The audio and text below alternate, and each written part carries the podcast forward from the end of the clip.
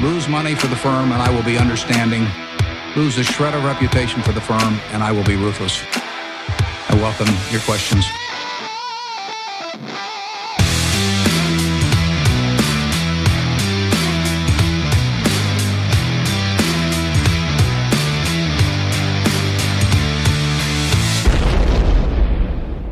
Hjärtligt välkomna till Kvalitetsaktiepodden. Det är jag som är Ola. Ja, det är jag som är Klas. Eh, det här är avsnitt eh, nummer 80 som spelas in torsdag den 26 november. Mm. Ja, lite jubileum, Ja. men inte ens det kan glädja oss i de här mörka coronatiderna. Nej. Nej. Idag är det 10 grader i Linköping och Jaha. regnet faller ner i omgångar här. Mm. Alla sociala aktiviteter förutom ungdomsträningarna är inställda. Typ. Ja, det är Ah. glest mellan borden och besökarna på de överlevande restaurangerna här i Mjärdevi, Linköping. Mm. Ja, där har ju vi vår, vårt kontor och även vår studio. Ja. Börshysterin håller i. ja, det får man säga. Mm. Covid är numera ett minne blott på den så kallade marknaden. Den är upp 10% i år, Ola. Ja. ja, det trodde man inte i våras. Nej, jag vet inte hur det gick när spanska sjukan var aktiv, men den var ju kanske lite tyngre Ja. på sitt sätt. Mm. Jag tycker det är deppigt Mm. på väldigt många olika sätt. Och eh, vad gör man då för att muntra upp sig? Ja, det vet jag inte. Säg. Ja, man kanske, det blir mycket tid över nu. Kan man ju använda det till att kanske stärka familjebanden. Jo. Mm, umgås lite, lära sig spela ett instrument. Mm. Uh, funderat på att putsa upp skoltyskan. Okej. Eller kanske verkligen ta tag i det här med läsning igen. Ja. Nej, Nej. nej. Vad gör du då? I helgen, in på nätet. Elgiganten tjuvstartade Black Friday-rean. Klicka hem en ny 65-tums QLED smart-TV. Ja. Ja, orimligt lågt pris dessutom. Ja. Ja, först ut nu börjar mata ner eh, den Netflix-serien Fångad eller Trapped som eh, kommit eh, i en andra säsong. Det är storslagna miljöer från Island och mord i en härlig symbios. Ja, det låter. Ja, och jag har faktiskt också två säsonger av Westworld som ligger och väntar på HBO Nordic. Jag tror det kan bli riktigt bra på den här, eh, på den här rackarns skärmen. Trapped lät lite som morden i Midsommar, Ghost Island eller hur? Ja, Island. Island! Ja, Island. Okej. Morden i Midsommar, är, Ghost, alltså, Ghost polisen i... heter ju uh, Lögreglan. Okej. Bara det, varenda gång de där bilarna dyker upp så blir jag glad. Okej. Ja. Nej, det här, är, det här är lite mörkare än så. Lite mörkare Ja. än de här mysiga morden. Ja, det är inte de mysiga morden här. Nej, Är det okej. inte. Nej, nej. Nej. Eh, ja, ha, vad, gör, vad gör du, du Ola för att få kvällarna att gå under den här sociala karantänen? Nej, men jag har bra, humöret har liksom inte tagit en riktig smäll än tycker jag, men man gör ju fanken inte mycket alltså. Eh, jag springer på löpbandet hemma Mm. några kvällar i veckan, lyssnar på musik, kollar på sport på mitt nya Viasat-abonnemang ju. Mm. Ja, det är liksom inte mycket tillställningar överhuvudtaget. Nej, det är ju inställt. Ja, så att äh, det är inget roligt, men jag tycker än så länge har jag liksom inte tappat humöret. Mm. Utan eh, ja, musik är ju en viktig källa till glädje. Jag har lyssnat mycket på Beatles sista tiden faktiskt. Ja. Ja, vi hängde med några kompisar eh, över Teams här i lördags. Mm. Jag och min fru. Det var riktigt mysigt. Ja, jag, jag såg, eh, fick en blänkare om att Petter nu skulle hålla i något digitalt vinprovnings... Eh, alla får signa upp. Jag, jag antar att det, han kan ha hur många som helst. Ah, Nej, så, jag- så man skaffar sig lite vin som han... Som han eh, ska hålla provning för och sen kan du sitta digitalt då. Så gillar du Petter och vin så kolla upp det alltså. Ja, jag visste inte att han var Jo, han är wine. extremt eh, duktig och intresserad av vin. Det, det var ju ett riktigt bra tips Ola. Ja, mm. Det, det är ju nivån med, med bolagstipsen här. ja precis. Så var- att eh, få se. Kanske min fru är ju också väldigt duktig på vin så att vi kanske kör något där. Ja, kan få lite inspiration. Mm. Ja, idag Ola har vi som vanligt med oss vår huvudsponsor Cavalier AB. Ja, Och eh, jag tänkte att vi skulle gå tillbaka till grunderna lite idag. bra. Eh, vad är det Peter och Håkan på Cavalier erbjuder och ägnar sina dagar åt? Mm. Jo, först och främst så är de ju eh, diskretionära förvaltare som erbjuder förvaltning av kapital åt personer, företag, organisationer, stiftelser. Och det här är om man har lite större tillgångar. Då är, är det nog några miljoner som man behöver ha hjälp med där. Mm. Och man har inte tid eller intresse av att förvalta pengarna på värdepappersmarknaden eh, i dessa lågräntetider så kan ju det behövas. Mm. Eh, de hjälper ju också till att förvalta så kallade trädarbolag. Mm. Mm. Så passar man in i den mallen och vill veta mer om, eh, ja, eh, det här så är ju Peter och Håkan aldrig längre bort än ett mejl eller ett telefonsamtal. Och de uppgifterna hittar ni med enkelhet på kavaljer.se.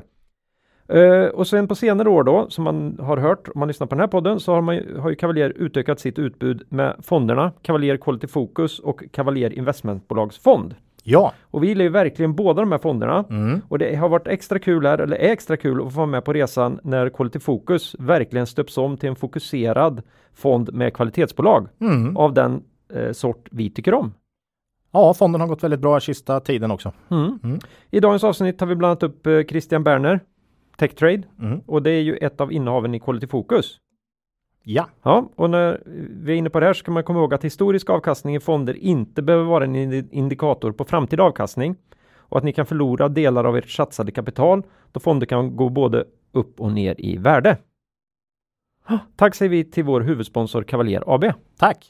Sen är det några mer som brukar vara med här. Ja, vi har ju våran eh, samarbetspartner Börsdata, värdeinvesterarens bästa vän. Mm.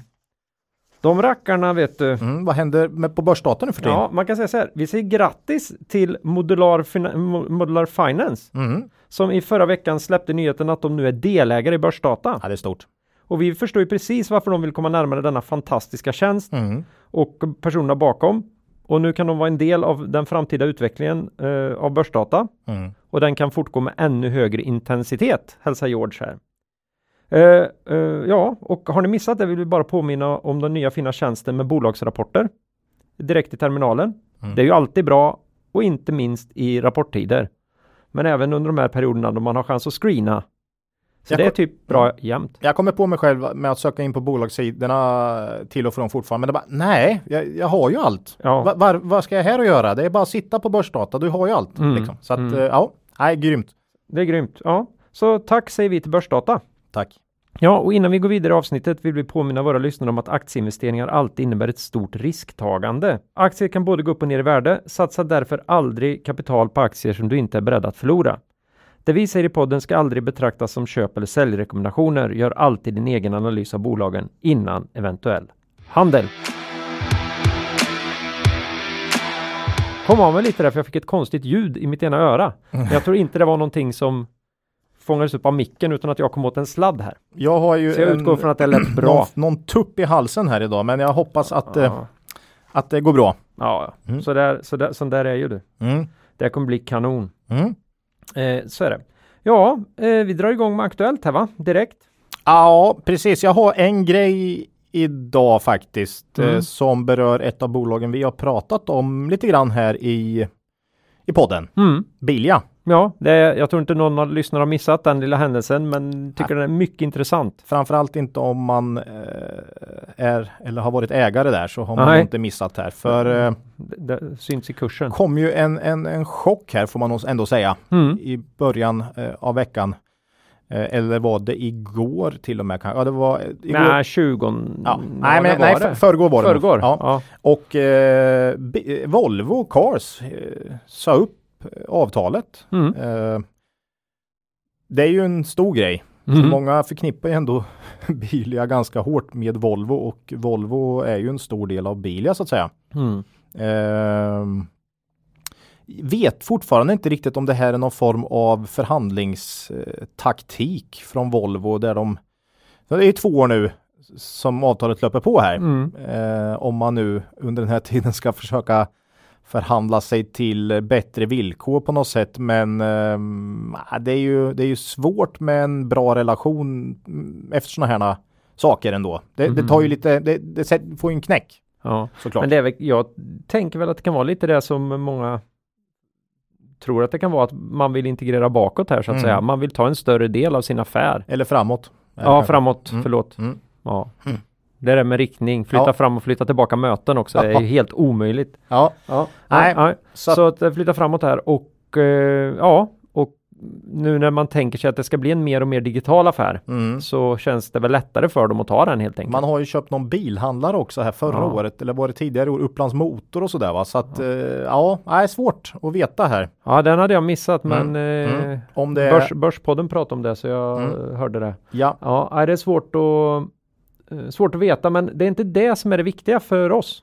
nej vi tycker nog Var- snarare det här är sån där en Påminnelse. Re reminder skulle jag Mm, säga, men mm. påminnelse är ju det svenska ordet där då. eh, om eh, just det här med riskspridning och, Och varför vi aldrig har mer än 15% i en aktie. Nej, så svårt. Den här typen av grejer Mm. kan ju hända. Nu har ju Bilia ytterligare ett sånt där lite jobbig riskgrej och det är Mm. ju att man är väldigt beroende av en kund Mm. Eh, och eh, eller leverantör. Då.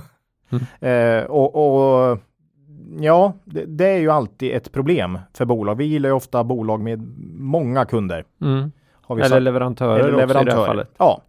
Så du har ju det problemet här med Bilia. Vi har pratat Ferronordic. De är också väldigt beroende av eh, relationen till Volvo då, fast eh, då är det ju eh, AB då, Volvo Mm. AB helt Mm. enkelt. Eh, det finns en hel del bolag med stora risker i, i och med att man är väldigt Mm. beroende av enskilda parter. Eh, och det har ju Bilia. Men oavsett så är det ju det här med att inte ha för mycket en enskild aktie då. Ja, det är ju det enda skyddet vi verkligen har hittat mot den här bolagsrisken. Mm, för de, det händer då och då att det kommer en chock. Vi skulle mycket väl kunna varit inne i Bilia här. Ja, utan tvekan. Hade vi bara fått lite, lite bättre pris här för några Mm. månader sedan så skulle de Mm. och inte annat hade sett så fruktansvärt attraktivt ut. Så. Mm. Nej, det är mycket möjligt. Mm. Eh, så att eh, den här typen av chocker händer ju då och då. Så att just därför fyller vi sällan portföljen eh, med för mycket i en enskild aktie. Nej. Och det är då det, man tvingas lägga så vansinnigt mycket tid som vi gör. Eh, om, om just Bilia då framåt, lite svårt att säga. De närmsta två åren blir nog Ja, det borde ju inte hända så mycket kanske. Eh, men frågan är vad som händer sen då. Och, ja, det blir väl en följetong här antar jag. Mm. eh, innan det här klarnar vad det kommer leda till och om det är servicedelen och nybilsdelen eller vad det nu är. Det handlar ju om servicedelen mycket här. Det är Mm. där man tjänar mycket pengar och flyttar man nybilsförsäljningen någon annanstans kanske man inte servar bilen på Bilia och så vidare. Så att, Nej, men så blir det ju. mm, Man tappar ju den superkontakten. De kommer ju säga att det är inte så viktigt för oss. Det är bara skitsnack. Det är klart, det är ju helt avgörande ja, ja, men för det är att ju långsiktigt ha mycket Volvo-bilar. Superviktigt. Så, så att, nej, vi får se. Det, Det är klart de har några jädrigt duktiga Volvo-mekaniker. Det, Ja. det måste man ju komma ihåg. Men eh, vad, vad säger att alla de blir kvar på Bilia? Om, Nej, ju- någonstans ska ju det här servas. Jag tror fortfarande sannolikheten är relativt stor att Bilia kommer fortsätta relationen med Volvo efter två år faktiskt. På något sätt På ja. något sätt. Mm. Eh, med kanske något sämre villkor möjligtvis. Men de lär göra en hel del för att det ska gå i lås. Mm. Får vi se. Ja, det var... Men svårt och eh, visa lite på den här bolagsrisken som finns i, i alla bolag. Mm. Mm. Ja, Eh, vi stannar där. Får Ja. vi se. Följetong. mm. Mm. Volvo och Bilia. Det var det vi hade på Aktuellt. Jo, eh, det får räcka där tycker jag. Ja, Vi går in på bolagen. ja det är det roliga ändå. ja. Eh, idag är det 3 plus 1 bolag. Mm, ja. Eh, tre som har rapporterat här nyligt och sen har vi eh, en intervju också. Mm. Och bolagen är ju då eh, Björn Borg, eh, Christian Berner Techtrade och Duni som vi tar upp här och sen kommer det bli en intervju med Inwidos VD. Henrik Hjalmarsson. Ja, så därför öser vi på här. För annars blir det återigen ett sånt där orimligt långt avsnitt. Å andra sidan kommer julen snart så folk har väl tid att lyssna ikapp då kanske. Kanske. Ja, eh, Björn Borg. Det här är ju bland annat sport och underkläder även för deppiga väder. Mm. Ja. Jag var med senast i avsnitt 71 från den 20 augusti. Eh, så det här är ett sånt bolag som vi slår runt och är ju ägare i, i just nu. Ja, och det berättade vi ju senast vi, eh, vi pratade om Björn Borg här i augusti att vi hade köpt in aktier där Ja. och de har vi ju kvar då. Eh, jag tyckte man släppte en väldigt stabil Q3 här faktiskt och den valutajusterade omsättningen var i stort sett oförändrad jämfört med föregående år. Rörelseresultatet också i stort sett oförändrat. Mm. Jag tror det var plus en procent eller något sånt där. Så att i, i oförändrat kan man säga. Eh, här har ju då faktiskt några anledningar till det här. Det är många mode och retailbolag som har tappat ganska rejält. H&M tappade väl 50 omsättning i Q2 tror jag. Mm. Eh, Men här är det ju lite annorlunda. Eh, Nettomsättningen för egen e-handel och e-tailers ökade med 17% här i Björn Borg och står ju för cirka 30% av omsättningen. Mm. Så det är ju en ganska betydande del. Och det att man har en så, så, pass, så pass stor andel online har väl varit bra för att hålla upp omsättningen i år, helt klart. Man har också, ska vi säga, gett ty tydligt har man gett rabatter till sina kunder under året för att få sålt. Mm. Eh, och det har eh, hållit upp omsättningen under året men belastat eh, lönsam... Mar marginaler. Ja, exakt. Eh, kollar man på de här olika geografiska marknaderna så är det ju ganska tydligt att det har varit väldigt tufft i Belgien och Holland under året. Eh, och det man skriver på grund av covid-19. Belgien är väl ett av de länderna i världen som har drabbats allra Jag skulle vilja låtsas att jag vet att det är de som typ har värst.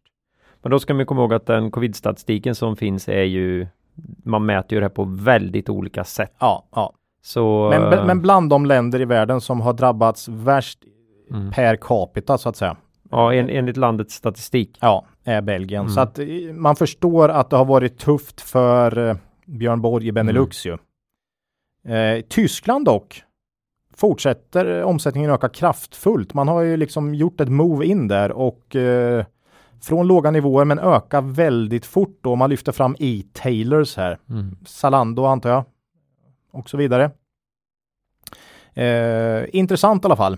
Jag funderar lite på de här produktgrupperna också. Björn Borg är ju tre produktgrupper kan man säga. Underkläder Mm. fem, 50 procent, Mm. Sportkläder. sportkläder 15, men man glömmer ofta skor. Det jag har på fötterna Mm. just nu. Du har ett par Björn Borg-skor. Ja, Härligt. jajamän. 30 procent av omsättningen skor. Mm. Kanske man inte tänker på. Men underkläder känns som en produktgrupp inom mode som är något mindre volatil än, än byxor och klänningar, eh, blusar etc. Eh, Det är min tanke i alla fall. Kanske inte, ja. Min lynchning på det där är ju att jag liksom aldrig aktivt har bestämt mig för att nu ska jag köpa underkläder utan det är de där grejerna som ligger där som jag, som jag plockar upp när jag ändå handlar annat. Så att eh, Ja. för min del så, Men samtidigt, underkläder har du ju oavsett på något sätt. ja slit, slitaget är ju, är ju konstant. är ju konstant. Men, men festblåsans slitage går ju ner med tanke Eh. på att du inte går på fest va? ja kraftigt är jag. Mm.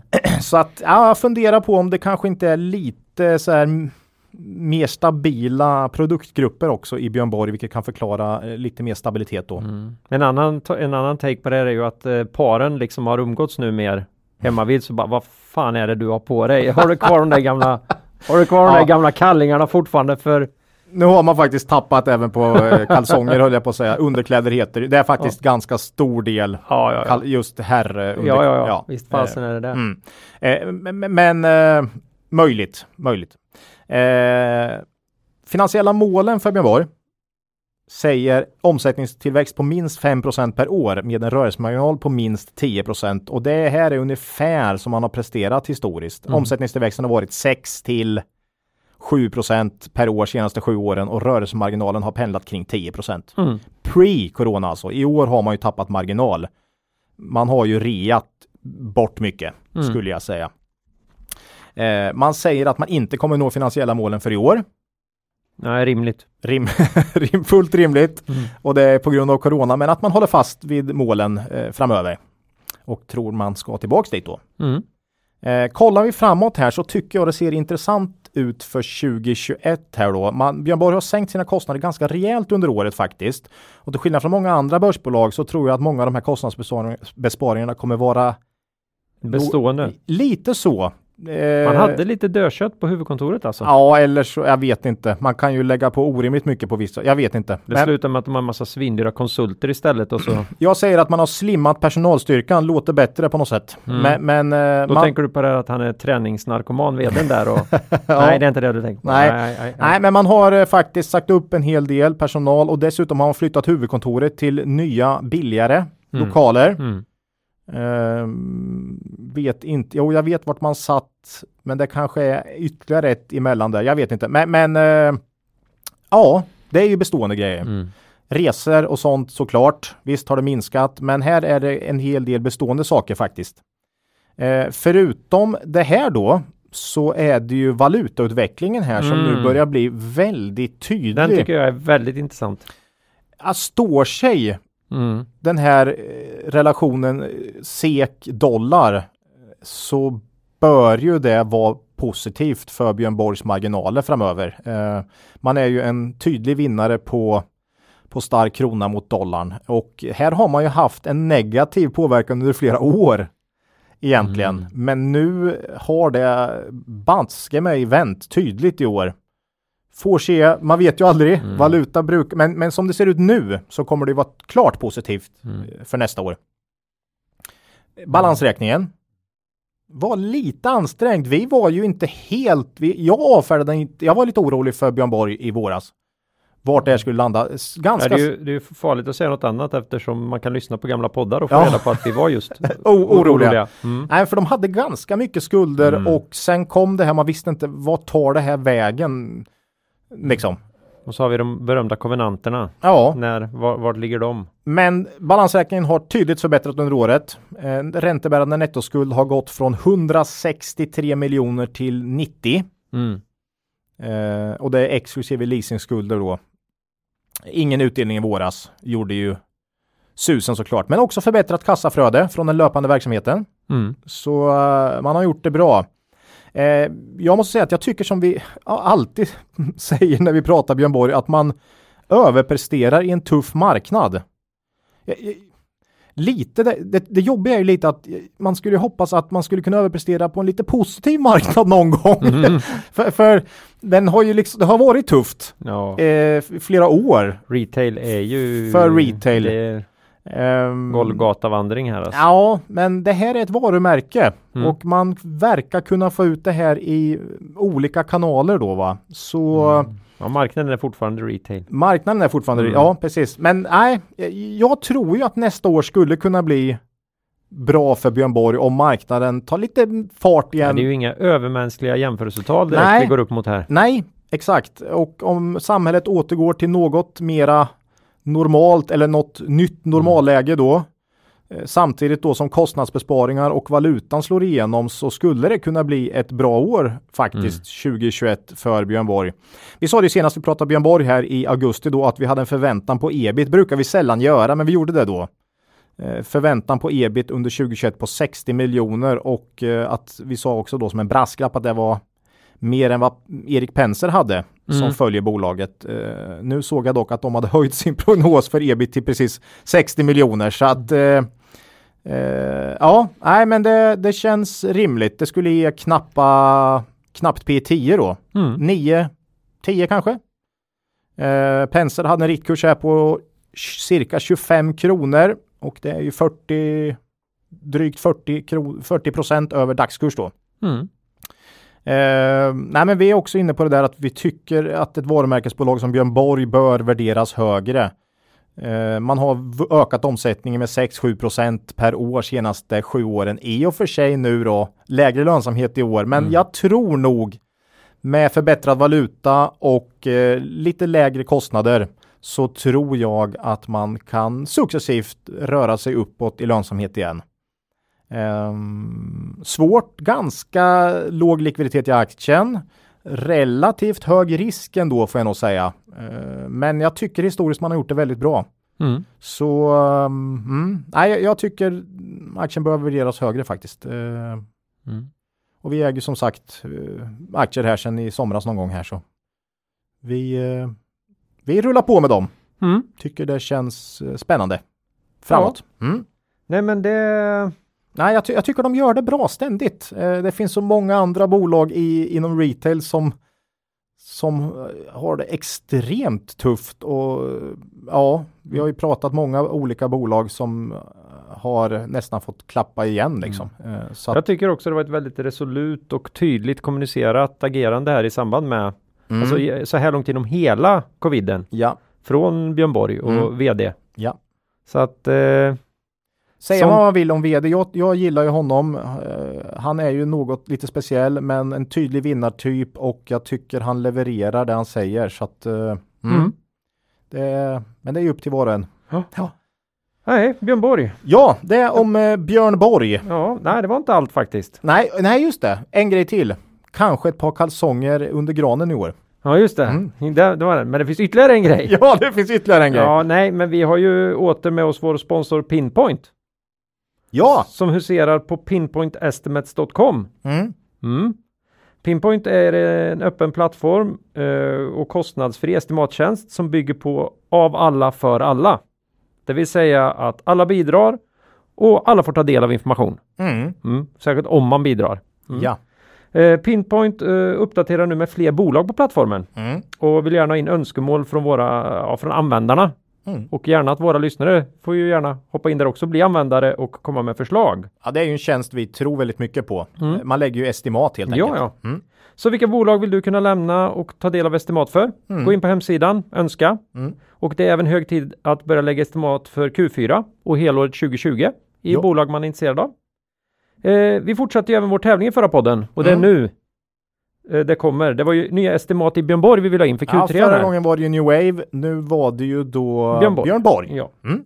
Eh, och eh, vinnaren som eh, Det var oerhört, det var flera, äh, som, som snitt låg, äh, låg äh, ma- massan lite lågt Ja, du är ju fortfarande lite sur över att du inte vann för du satte ju Jag var nära. vinsten Mm. men eh, var off på På omsättning. omsättningen ja. Mm. Men, Eh. men äh, det var någon som i stort sett prickade exakt. va? Ja, det var ju målfoto på det här. Mm. Och eh, ja, den eh, användaren som kom närmast eh, heter Z-Danny. Okej. Är det han Saucedo? På Pinpoint. Ja, kan vara. Mm. Kan vara. Mm. Och eh, grattis eh, till vinsten säger vi. Ja. Och eh, Z-Danny, om du lyssnar på detta och är intresserad av boken. Det är ju alltså Howard Marks The Most Important Thing som är utlovad här. Ja. Vårat sista ex. Mm. Eh, då behöver du eh, mejla oss med, dina, med din adress. Precis. Och använd då gärna den mejladressen du uppgav när du reggar dig på Pinpoint. Så blir det smidigt för oss. Bra prognos... skicka från den menar jag. Ja. Bra prognostiserat får man säga. Väldigt, väldigt imponerande. Mm. Mm. Ja, så att eh, tack säger vi till eh, Pinpoint Ja, Mm. tack. för den här gången. Mm. Eh, jättetrevlig tjänst. Mm. Bra. Eh, då hoppar vi vidare. Mm. Och eh, ny, nästa bolag är Christian Berner Tech Trade. Ja. Var med senast i avsnitt eh, 68 från den 28 maj. Oj, det var, det var det var ganska länge sedan. Ja, Mm. men eh, har det hänt något då? det här är ju ett sammelsurium av olika Ja, små, små ja, vad ska man säga? Det här är ju Bolag. ett, eh, vad ska jag säga, upcoming mini Indutrade på något sätt va? ja, det är väl det de vill bli. Ja, det verkar så. Mm. Eh, man har väl klarat året ganska bra tycker jag. Mm. Eh, omsättningen har ökat marginellt faktiskt under de första nio månaderna. Eh, I Q3 ökar omsättningen med 3% Man har dock tappat lite marginal under året. Det här det är bruttomarginalen som man har tappat och jag har lite svårt att utläsa exakt vad det beror på. Eh, får inga jättebra förklaringar på det, men en tänkbar förklaring är väl en annorlunda produkt, tjänstemix på något sätt. Mm. Eh, Lite personal. Personalkostnaderna dock har gått ner eh, under året. Man har permitterat, men eh, där har man faktiskt nu sagt att, eh, för man, man, man kallar till extra stämma här under hösten och eh, beslutar om utdelning. Så man har sagt att man ska betala tillbaks eh, 4,2 miljoner här för som man har fått i statliga bidrag. Mm. Och de här, det här är ju inte upptaget i resultaträkningen heller, så det är inget som kommer belasta, för man tog liksom aldrig med det. Nej, man har reserverat det där. Ja. Mm. Eh, det som var lite sämre här under året eh, har varit orderingången och även i Q3 var den minus 5 då och eh, inför Q4 säger man vi ser ännu bara mindre påverkan på, vår, på resultat. Men vår orderingång har varit svagare under det tredje kvartalet. Det innebär att orderstocken gått ner även om den är på en fortsatt bra nivå och att vi ser att fjärde kvartalets försäljning är svårbedömt med tanke på effekter av covid-19. Så viss osäkerhet kanske där då Mm. inför Q4. Man har gjort två nya förvärv under hösten. Intressanta tycker jag. Livsmedelsindustrin då, eh, underleverantörer. Eh, ja, nej, det, och de adderar cirka 10% omsättning då. Och för fasen, kan vi förvänta oss ICA-värdering här nu? Ja, det vore mummare. Mm. Jag ska bara gå ut och köpa på mig lite här. Ja, Christian. Berner Tech Trade har dock betydligt bättre tillväxt än vad ICA har. Det har de. Mm. Då ska vi alltså ännu högre multipel. Nej, nej det, så, fun så funkar det inte. Nej, okej. Nej, Nej. ICA har låg tillväxt och hög värdering. Ja, okej. Det ska vara så ja. Nej, men två nya förvärv här. Eh, Riktigt intressanta. De har ju liksom inte kommit med här än. Så, Nej. och de kommer ju adderas in här i Q4. Eh, så det är möjligt att det kan hjälpa till lite då. då. Mm. Eh, och för varje förvärv här då, så blir det ju lite mindre beroende av enskilda dotterbolag här. Ja, vi har pratat lite om det. Vad, liksom en utveckling som måste ske i den här typen av bolag. Man kan ju prata AQ och sådana också. Mm. Det måste liksom bli en, en, en bredd. ja. Så du får gungor och karuseller-effekter här, både geografiska och branscher och så vidare. Va? Mm. Om, om man nu är ett sådant bolag. Ja. Eh, annars så kan det ju vara viktigt att man inriktar sig på det man verkligen kan. Men här är det en mer spridd idé och då Mm. ju fler de kommer få in desto Ja, minska stabilare risken, kommer det bli. minska risken, okej, det kanske inte blir de här monsteromsättningsökningarna Nej. något år när ett enskilt jätteinnehav går bra, utan, men, Mm. men samtidigt det minskar risken. Eh, helt tydligt. Sen gillar jag generellt förvärv som inte är sådär extremt stora. Mm. Eh, för, för det är också en stor risk då om det blir fel va? Mm. Eh, så Ja, att, men vi pratar ju VBG här till exempel med deras amerikanska förvärv som Mm. man tänkte det skulle vara sådär konjunktur okänsligt blev och inte så säkert. bra i Det blev inte så bra i år. Nej. Men det är så svårt att veta men det får en jäkla påverkan när det är så stora förvärv. mm. Så Nej, nej, BTS-style. Sm- BTS-style. Ja, plockar upp eh, Ja. små grej på små grej på små Ja. grej och sen blir det ganska bra med tiden. nej men Indutrade och alla de här adtech och Ja. eh, så är det ju.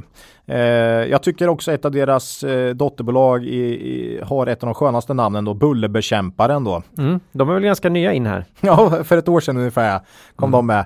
Skönt namn. Det är ju så här, eh, Peter Lynch skulle älskat det namnet. Ja, annars så är ju Christian Berner Tech Trade inte det, det bästa namnet på börsen direkt. Eh, men, men, men man kanske ska Man byta kan väl tänka sig att grundaren hette Christian. och Berner.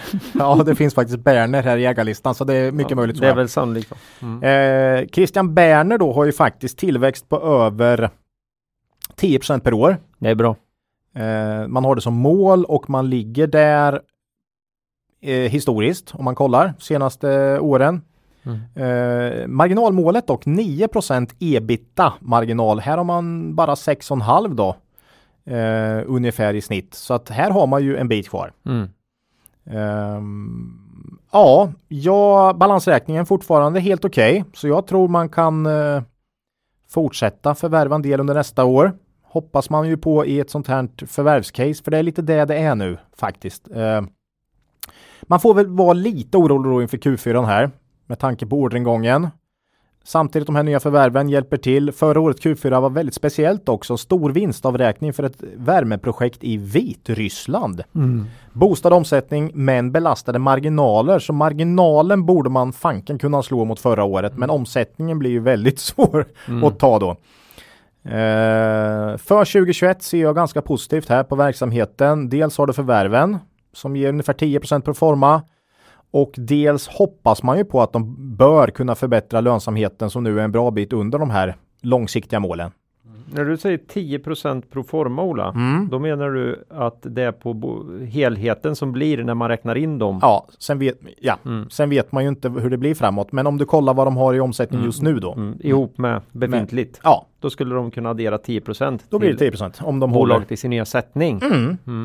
Mm. Mm. Eh, jag såg Redeye har, följer de här ehm, och har 2,50 i prognostiserad vinst för 2021. Det tycker jag känns lite optimistiskt faktiskt om jag ska vara ärlig. Men, men eh, det är möjligt. Det är inte, det är inte så här eh, helt orimligt. Ja, har varit lite all over the place här under pandemin så jag är inte sådär riktigt l- trygg. Nej, ibland tycker jag, generellt så tycker jag många uppdragsanalyser funkar bra som någon form av koll på vad, hur de räknar och så. Mm. Men utgå som vi brukar säga alltid från din egen analys. Eh, Mm. Och sen kan du ha det för att kolla om du har missat något uppenbart då. Mm, det kan finnas mycket information där Mm. som kan vara Eh, användbar. men ja, men kollar man Q3 nu så är det ju väldigt många av deras eh, analyser som har varit alldeles för lågt ställda.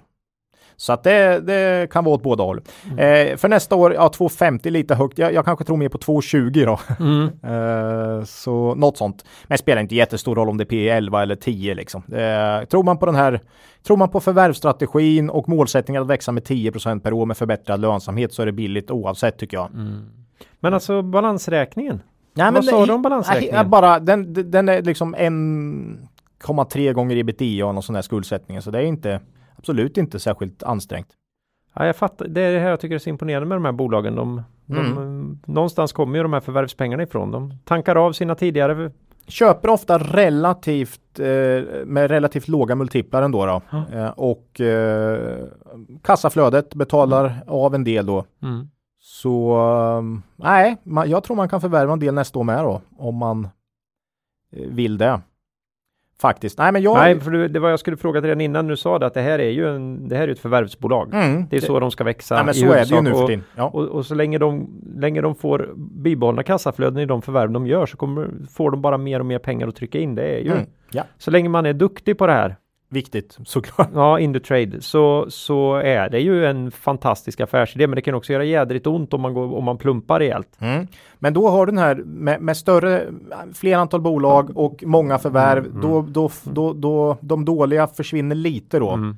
Sen, eh, ja, nej men så är det ju. Eh, man gör ju inte sådär jättemånga utan det är ett par per år kanske. Mm. Mm. Ehm, nej, än så länge tycker jag man verkar klara det bra. Mm. Nej, vi, eh, nej, gillar Och det. storleken på det här bolaget, alltså den börjar bli den här jätteintressanta storleken att de Ja. är, börjar bli så stora så att risken för riktigt konstiga grejer börjar gå ner. Mm, Samtidigt som de är stora nog för att börja bli det här härliga slagläget mm. när, när, när de ska börja vandra genom, genom midcap då. Ja, nu är det ju 700-800 miljoner i omsättning och bara en halv miljard tror jag i eh, börsvärde. Jo, jo, men ännu, ännu lägre kanske. Det kan gå jättefort Ja, det innan kan gå. de är på midcap Nej, men det är intressant. Intressant. Så att eh, det är ju därför vi börjar Mm. mm. bevattnas lite. Ja, vi, vi gillar ett, ett intressant case som Mm. ni gärna kan kolla på. Vi äger inga aktier här, eh, Mm. men, men nej, börjar se intressant ut tycker Ja, vi. vi får se Mm. vad som händer med tiden här. Eh, får väl avvakta också Q4 här och se då lite Mm. hur orderingången spelar ut där. Kanske kommer lite förvärvskostnader för de här förvärven möjligtvis också. Mm. Eh, kan göra. Men eh, mm, nej, men håll koll på Christian Berner Tech Trade. Ja, Faktiskt eh, intressant. Tycker mycket vi. intressant. Mm. Jaha, det var dem. Eh, Då får vi köra klassikern Ola. Mm. Nu ni. Blir det Duni? Den har du kört varje gång eller? Ja, en riktig coronaförlorare. Jo, det... Eh, de har ju haft det mesta emot sig under året. Här var med i avsnitt 50, så det är över ett år sedan, 18 september 2019. Mm. Eh, ja, vad ska man säga om det här? Alltså, det känns, ja du pratade lite om att ja, hämtmat och sånt har de lite grejer till, men alltså Äh, tufft. det måste vara stentufft alltså. det har varit, eh, framförallt Q2 var ju nattsvart här med Mm. minus 40% omsättning. Viktiga kunder här måste vara hotell, restauranger Ja, och, och eh, så här fester. Mm. Privata, sto, större privata, mindre och större privata fester är viktiga för Duni liksom. Ja, Innan Det de var- gjorde om eh, den här eh, affärsområdesuppdelningen så hade de ju Tabletop som ett. Det var ju 50, över 50% omsättning och Mm. det är ju liksom eh, bordsservering Mm, ja. och sånt till hotell och restaurang. Ja. Alltså det är ju klart det har varit riktigt illa Mm. under 2020 då här. Eh, f- Q2 blev som sagt nattsvart och faktiskt en brakförlust på det också. Mm. Första gången så jag tror all, jag har lång historik på nu, jag har aldrig ens varit nära Mm. ett förlustkvartal. Och så bara, men, men pandemi är ju en speciell händelse. Mm. Eh, Det är ju det. Ja. Nej, men man kan väl titta lite på vad som hände med Scandic till exempel. Ja, Så ja. tror jag man förstår lite här. Och dessutom då över 50 här i Centraleuropa Mm. som, som stängde ner Mm. eh, extremt också då. Eh, Q3 dock bättre. Mm. Eh, bo- Sommar. borde, borde ju vara så Mm. också kan man tycka. Eh, öppnade ju upp lite där samhället och eh, omsättningen minus 7% valutajusterat bara och det operativa resultatet minskade från 130 till 110. Mm. Så det är bra jobbat. En hel del kostnadsbesparingar där också då. Eh, och som vi sa, eller du sa här, att man har faktiskt en växande del av omsättningen från takeaway och måltidsförpackningar och sånt där. Och det har ju stått emot eh, hyggligt bra då, Mm. under året. Eh, man har förbättrat balansräkningen som väldigt många här under året, inställd utdelning. Eh, man har sagt lägre investeringar, kassaflödet har inte varit så himla bra då. Men eh, de sakerna har ändå gjort att nettoskulden har minskat. Så nu har man en och en halv miljard i nettoskuld, vilket är ganska mycket fortfarande då. Eh, väldigt mycket om man ställer det i relation till årets vinst. Men, men mer normal vinst då. Mm. Eh, om vi tar förra årets ebita så är det två gånger ebitda. Ja, det här slår ju mig när, vi, när jag satt och lite skämsamt, eh, skämtsamt, men orerade om att det här året kommer vi så att säga behöva stryka ur våra Mm. eh, rullar på något sätt här för att det här kommer ju, man kommer ju, ja det där var ju år Mm. 2020. Mm. Och sen har vi flera bolag som kommer komma in över våra liksom årsestimat här. Ja. Hur fasen är det möjligt? Mm. Det är helt, det känns helt orimligt. Men de här, de här förlorarna, de, Ja, de, de, de, de får man ju över. ja. Där får man liksom, ja, det kommer 2020, finnas feta, de kommer vara rödmarkeras tror jag. man kan säga så här, snittmarginal senaste fem åren om du tar bort 2020. Mm, Så kommer nog, eller sju. ja, men i väldigt mycket färre fall än vad jag trodde det skulle bli. Mm. Ja, ja, ja, herregud. Så att, eh, Nej, ja, våras, men du, ni är ju, ja. Nej, tydlig förlorare här då. Mm. Q4, jag är lite orolig. Nu är det ju någon form av, eh, det är ju hårda restriktioner igen här nu. ja, det är ju ingen som bor på hotell nu. Nej, men det var ju mer i juli, augusti Ja. och... Det, vart ju, det var ju ganska låg smittspridning och folk tog sig runt och det höll ihop liksom. Mm. Nu, nu är det inte så längre. Nej. Nej, Q4, det, jag tror det kan bli lite sämre igen då faktiskt. Eh, inte alls omöjligt. Vi har ju många av oss närstående som, som är på andra typer av kontor på dagarna Mm. och eh, där det är tuffare restriktioner nu än vad det var någon gång i Jo, våras. jo, visst. För då gick vi mot sommaren och Mm. Man, man bröt den där pucken, toppen ganska Mm. snabbt och nu är vi ju fortfarande i en stigande trend på väg rakt in i vintern här. Mm. Exakt. det är inte så roligt. Nej, eh, så, så Q4 blir nog inget jätteroligt. Nej, och hela, hela julen blir ju inställd här så att säga. Ja, Eh, det måste vara Ja, och, och, och då måste jag ha oerhört stor säsongsförsäljning. julbord etc. Ja, fy, Mm. det här är ju inte kul. Alltså. Nej, nej, så, så att eh, här. nu är det ju bara Sverige. Det här är ju en nu, nu är den Mm. faran igen. Nu tittar Ja. jag precis utanför mitt lilla fönster här. Ja, det är Alltså du, ni kan inte historiskt, ha... som, historiskt som man haft över 50% i Centraleuropa Mm, så att det är mm. mer vad som händer i Frankrike. Förlåt. Och, Varför, varför gör man så nej här? men det är ju helt, högst, högst mänskligt att tänka Ja, på. fast- Ja, Man vill ju vara en sån här det är, ja, eh, skön snubbe som klarar av att inte bara liksom det är ju Vad- lite som det här vad du ser är allt som finns säger Kahneman och det, man Ja. hamnar där hela tiden alltså. Loomis och kontanter i Sverige Ja, va? Det är samma. Och jag, gör, och jag hånar folk för den och så sitter jag och gör samma grej med Duni.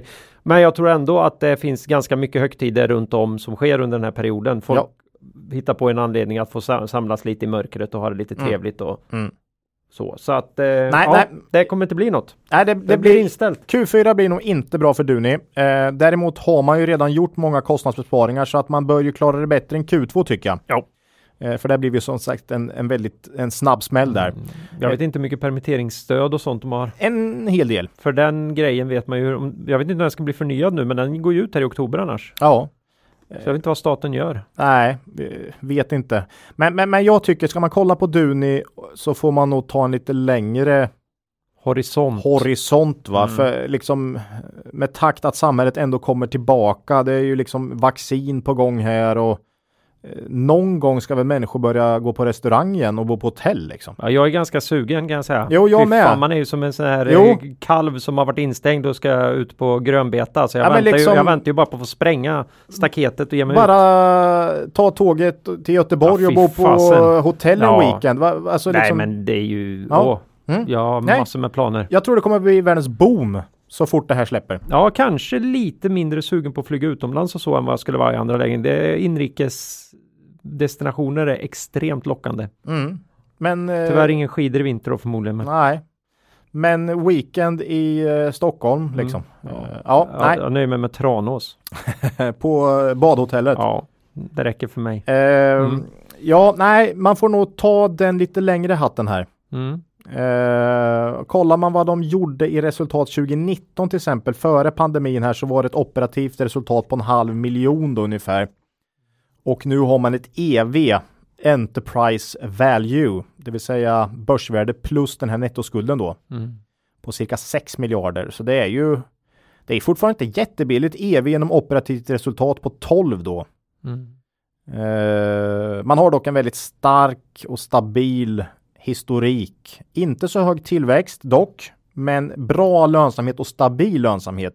Och bra det är sällan man har år med stora omsättningsminskningar, Mm. förutom nu då 2020. Men det får ju ses som ett väldigt speciellt år alltså. Det, det är ju så. Ehm, man har 3% historisk o- tillväxt. Det är inte mycket. Målsättningen är 5% organisk tillväxt, men där har man ju inte alls legat historiskt. Ehm, för 3 historisk tillväxt är inklusive förvärv då. Ehm, ja, nej, jag, jag vet inte. Jag tycker EV operativt resultat på 12, det är inte jättebilligt med tanke på tillväxten och Mm. att vi nu pratar om vinster som eventuellt kommer inträffa när pandemin släpper. Ja, det här är ju på framtida förväntade Ja, vinster. ja eller histor- snarare 2019. Ja. Ja, om de kommer tillbaks dit då. Mm. Ehm, är det är ett bra bolag känns som. Intressant. Hela den här grejen med takeaway och miljövänliga förpackningar då som man eh, ökar inom är ju också intressant. Ehm, jag, vill, jag vill ju betrakta de här lite som ICA och de här. mm. Eh, Jo men de har haft en väldigt hög med, värdering. Med, eh, historiskt. För att de ska vara så trygga men... Mm. eh, jo ja. men det, det är ju det. Ja, jag är ju Scandic i den, Mm. i den eh, gruppen, follan också. Så Mm. att, Mm. eh, men här fanns det en stor skillnad. Jag tror Duni har haft cirka P17 i Mm, snitt mm. eh, fem år före, alltså närmsta fem åren före 2020. Mm. Och, och, och med en tillväxt på 3% så är det lite ICA-varning Varning, mm. faktiskt. Och väldigt bra och stabil utdelning också kan man säga. Ja. Så det är lite den, Den, den, det gänget. det stabila, trygga. Ja, nej men eh, här, här blir det ju inget. Nej, det är lite, lite, lite, lite för, för mycket, lite för Mm. hög kostnad här för den aktien för vad man får i tillväxt här tycker vi. Mm. Ja, för mig vart det här lite av ett Bahnhof-case. Jag har också slagit runt det här rätt mycket för jag kände att fan ska man få äga Duni? Det var inte igår. Nej, Men eh, jag, nej. har- jag har räknat den Ja. aktien historiskt, men det var ett tag sedan nu. Eh, Så att eh, nej, det blir inget. Nej, eh, så vi äger inga aktier i Duni och eh, just nu är vi inte så intresserade av att köpa heller faktiskt. Nej. Eh, Så det om eh, Duni. Ja, vi hoppar vidare. Mm. För nu är det faktiskt dags för eh, vårat bonusföretag här, Inwido. ja, det är väl nästan årets poddbolag här får man säga. Vi har, Ja. vi har tagit ganska mycket om Inwido under året och, och vi köpte in oss här i, i våras, april var det väl, mars, Mm. här i kan- raset. Och vill man veta vad vi, Ja, vad om man tycker, tycker om nyligt. generellt så kan man ju lyssna på gamla avsnitt här. ja, avsnitt 77 till exempel, Okej, ja. var det Mm. väl när vi eh, Ja, pratade om eh, deras eh, omvända vinstvarning. Som vi får anledning att återkomma till här efter intervjun. Just Eller det. och under intervjun också. Ja. Eh, nej, jag vet inte vad du har att säga. Har du något inledande? Jag har lite grejer men Nej, inte mycket. Jag tycker bara det är kul att vi har fått till en intervju med Inwidos vd här, Henrik Hjalmarsson. då. ja, en väldigt upptagen person så det var jättekul. Ja. Och eh, ja, vi spelade in det här på länk igår, onsdag den eh, 25 november. Mm. Och eh, jag tänkte ge lite lyssnartips här, lite som så här lästips som man fick på universitetet. Jaha, ja. Tycker om man ska lyssna, lyssna extra noga när Henrik berättar om hur deras förvärvslandskap ser ut kopplat till dela, deras relativt starka balansräkning. Det här är också ett förvärvsdrivet bolag ska man komma ihåg. Absolut. Eh, de har en relativt ny decentraliserad koncernstyrmodell Mhm. som jag tycker är extremt intressant. Och sen inte minst eh, pratet om eh, Inwido som ett ESG-företag. Mhm. Ja, De grejerna, det skickar du med. det Lyssna. skickar jag med. Härligt. Ja, nej, men då kör vi intervjun. Ja. Det är med stor glädje vi vill hälsa Inwidos vd Henrik Hjalmarsson välkommen till podden. Hej Henrik! Hej, tack så mycket. Hej, hej! Som, som, som chef för en koncern med 28 bolag inser vi att tiden är ganska trång sektion för dig, så det är väldigt kul att du tog dig tid att eh, vara med i en intervju här i Kvalitetsaktiepodden. Ja, gärna. Vi ser fram emot en spännande diskussion. Härligt! Eh, ka- kan du börja berätta lite om dig själv och, och din bakgrund? Hur hamnade du i eh, Inwido? Jag har ju varit, haft förmånen att få jobba i lite olika branscher på många olika ställen i värdekedjan i min karriär. Jag inledde min eh, bana i eh, Nynäs Petroleum faktiskt, ett antal år. Jobbade framförallt med eh, inköpsfrågor, logistikfrågor, eh, planering och affärsutveckling och sådär. Eh, och sen så gick jag in och eh, spenderade ganska många år i livsmedelsbranschen, över tio år på Findus. Och har jobbat med eh, eh logistik och planering, med verksamhetsutveckling, med marknadsföring, med försäljning och som VD för Findus verksamhet i Sverige och sen Findus verksamhet i Norden och i samband med det också sålde verksamheten till ett eh, amerikanskt börsnoterat bolag. Och eh, bestämde mig för att det var efter tio år att det var dags att göra någonting nytt. Eh, och då var det faktiskt så att min företrädare som koncernchef eh, eh Håkan Jeppsson som ju eh, tragiskt gick bort för ett par år sedan. Jag kände honom lite sedan innan eh, och i samband med det så gjorde vi gjorde Inwido lite förändringar och han frågade om inte jag var intresserad av att vara med på den här resan. Eh, och jag såg ju direkt potentialen i det som vi håller på med och blev exalterad. Och kom in som affärsområdesansvarig för det största affärsområdet då, eh, för eh, lite drygt tre år sedan. Och sen i samband med att, att Håkan gick bort eh, så, och att vi då också gjorde om verksamheten lite, som jag säkert kan prata lite mer om sen, så klev jag in som koncernchef. För det är snart två år då. Ja, tiden går fort. Tiden går fort, ja. så är det. För våra lyssnare som inte riktigt har koll på Inwido, hur kan du kort beskriva Inwidos verksamhet? Ja, vi är ju e- Europas största förstekoncern och en ledande dörrtillverkare. Eh, men trots det så är vi ju bara ett fåtal procent av den totala marknaden i Europa. Så fönstermarknaden i Europa är fortsatt väldigt fragmenterad även om vi har då gjort konsolideringsinsatser i en del geografier.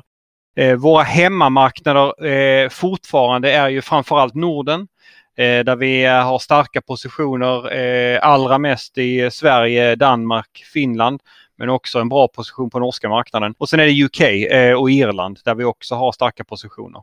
Vi har ju och vi säljer ju egentligen fönster och dörrar till, vi tittar på marknaden i termer av ett antal kanaler eller segment som vi brukar kalla dem, alltså där man säljer till direkt till snickare eller fönsterbytare eller via återförsäljare eller till exempel via eh, byggbolag eller husproducenter. Och vi säljer ju också då i de här geografierna som jag pratade och inte minst den kanal som jag ska prata om och det kan jag säkert prata lite mer om sen är ju vår e-commerce-kanal med e-handel direkt till konsument. Ja. Hur ser en normal affär ut? Eh, liksom? Eh, den, den typiska affären, vad, hur, hur ser den ut? Ja, det varierar ganska mycket per geografi och det är det som är lite speciellt och lite spännande då med den, den låga konsolideringsgraden i branschen och det fragmenterade kanallandskapet är att det är lite svårt att svara på den frågan. Det man kan säga typiskt sett är, om jag, om jag repeterar de fem kanalerna som vi typiskt sett ser på dem, alltså snickare eller fönsterbytare direkt till dem, mm. via återförsäljare, industriförsäljning, direktförsäljning till konsument med installation eller e-commerce. Så kan man säga att olika kanaler är starka på olika marknader. I Sverige så är traditionellt och i Norge är traditionellt återförsäljarkanalen ganska starka. Alltså de, eh, byggfackhandeln i Sverige och Norge eh, med aktörer som eh, Excelbygg, Beijer, Woody till exempel, mm. eh, har starka positioner och har stora affärer med sina kunder. Och vi i de marknaderna, våra bolag i de marknaderna gör stora då affärer tillsammans med byggfackhandelskedjan och säljer ut. Och då är det ju typiskt en relation, liksom en indirekt relation med snickaren som vi ser som vår nyckelmålgrupp. I Finland, om vi tar det exemplet, så är direktförsäljning till konsument en ganska stark kategori och då oftast med installation. Och en ganska stor del av fönsterförsäljningen i Finland sker alltså med installation och det är en väldigt låg del av den svenska marknaden. Och typiskt sett i Danmark så är den försäljningen till snickare eller tömrarmästare då som, som danskarna kallar det, är nog det starkaste eh, segmentet. Eh, där ju vi också har en stark position med framförallt tre av våra stora bolag i Danmark. Så att det ser lite olika ut i olika geografier. En fråga, där, en fråga kan jag ta där. När ni, när ni säljer med installation, är det då, eh, har ni upphandlat det, den själva installationen eller är det ert eget folk som gör det? I de allra flesta fallen, i några fall har vi egna installatörer men i de allra flesta fallen så jobbar vi med tredjeparter som vi har då långa, långa affärsrelationer med. Så att vi jobbar väldigt mycket i partnerskap med de här. Så det är den vanligaste lösningen att eh, installatörerna inte är på vår payroll så att säga utan är tredjeparter. Hur ja. mycket är eh, eh, vad heter det, renovering och hur mycket är nybyggnation av fastigheter så att säga? Typiskt sett om man drar ett snitt i biografin så brukar vi säga att ungefär 70 procent är till renovering. Eh, det där går ju lite upp och ner med cyklikalitet och, och stimulanser för renovering i vissa eh, faser då som till exempel vi hade ett lite starkare rotavdrag ett tag i Sverige.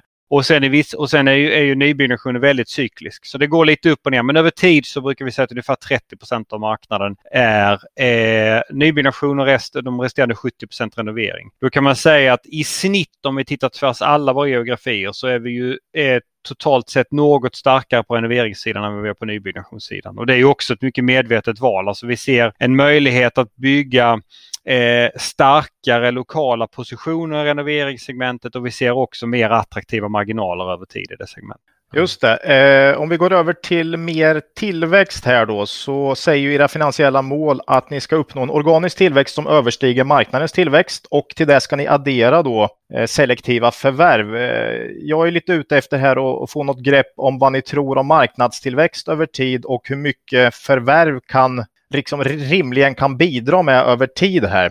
Har, har du någon kommentar på det?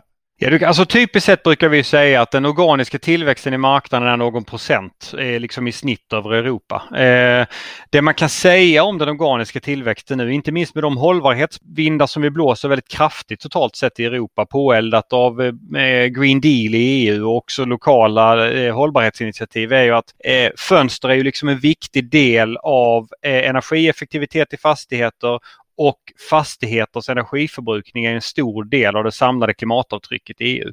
Eh, så det kan ju vara så liksom att, att det finns anledning att tro att av den anledningen att den underliggande organiska tillväxten kan vara lite starkare under en period framåt. Men över lång tid så brukar vi säga några procent i, i liksom organisk underliggande tillväxt över en cykel. Och vår marknad ja. är ju cyklisk så är det ju så att det, det kan ju gå lite upp och ner. Sen kan man ju säga...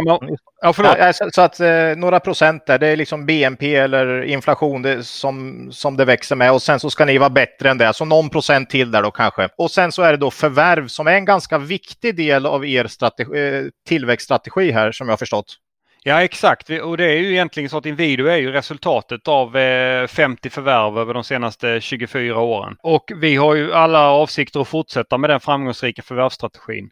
Eh, och då kan man ju modellera det där på lite olika sätt och beroende på vilka antaganden man gör om utvecklingen av fritt kassaflöde och vilka multiplar vi betalar så kan man modellera fram hur mycket vi borde kunna förvärva lite. Och det där varierar såklart lite över tid för det beror ju också på eh, cyklikaliteten och konjunkturen hur vårt kassaflöde rör sig lite upp och ner och inte minst alltså eh, vårt underli våra underliggande investeringar. Vi har ju stor potential till exempel i vår e-commerce verksamhet där vi ju då eh, ser till att styra om investeringar för att fortsätta växa den. Men, men, men eh, givet allt det där så ska ju förvärv adderat eh, några procent till på den eh, tillväxtresan då. Eh, och liksom i snitt över en, en cykel. Just det. Mm.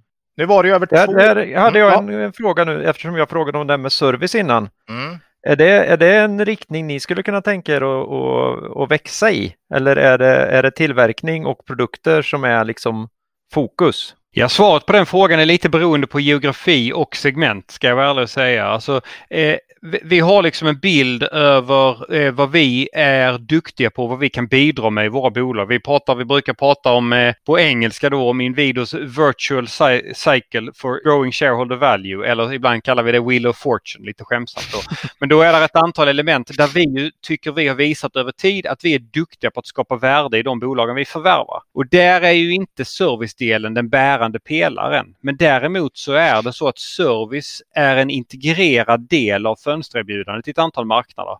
Och där har vi kunnat visa över tid att vi har varit duktiga på att kapitalisera på det också. Och där är Finland ett bra exempel. Så jag skulle säga att generellt sett så är det den industriella logiken vi är duktiga på. Det är eh, utveckling av fönster och dörrprodukter. Det är att, liksom, eh, att kommersialisera och paketera dem och sen att driva en effektiv försörjningskedja på det. Det är det vi har visat oss vara duktiga på. Men där servicen spelar in i de marknader där det gör det har vi också visat att vi är duktiga på att kapitalisera på det. Eh, nu var det ju ett par år sedan ni gjorde ert senaste förvärv här har jag sett. Eh, och är det pandemin som har påverkat här eller är det något annat som har påverkat att ni inte har förvärvat på ett par år här?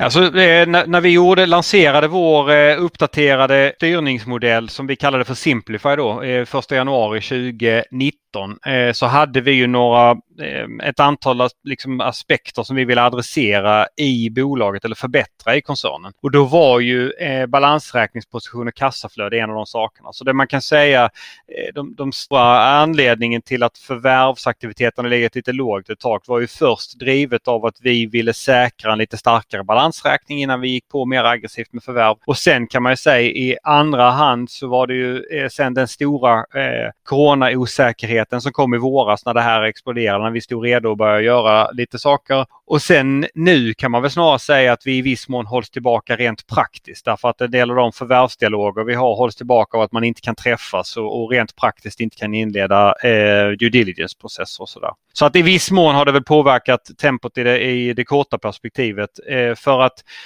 avsikten då med att stärka vår balansräkning eh, och, skapa en bättre plattform har vi ju gjort där vi har sänkt vår nettoskuld till 1,2 gånger ebitda och står ju mycket starkare för att kunna accelerera den inorganiska tillväxtresan också. Då. Ja, det, mm. riktigt imponerande just den eh...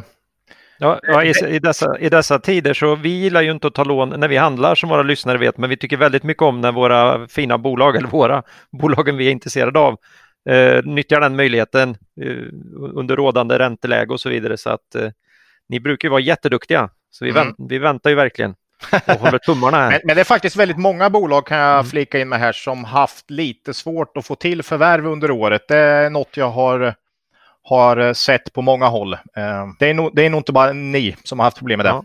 Nej, alltså Men ni jobbar det, aktivt med det? Mm. det? Vi jobbar aktivt med det och man ska komma ihåg den osäkerheten som inträffade. Det är lite svårt att, att komma ihåg det nu nästan hur läget var i mm. början av mars när eh, coronapandemin kom. Men det, är klart, det var ju ingen som visste hur läget skulle bli eh, och vi vill ju vara väldigt, alltså, Eh, Eh, en av våra, eh, en av de saker som vi uppfattar att våra investerare uppskattar med oss att vi har visat eh, trots en cyklisk marknad en väldig stabilitet i vår performance över tid.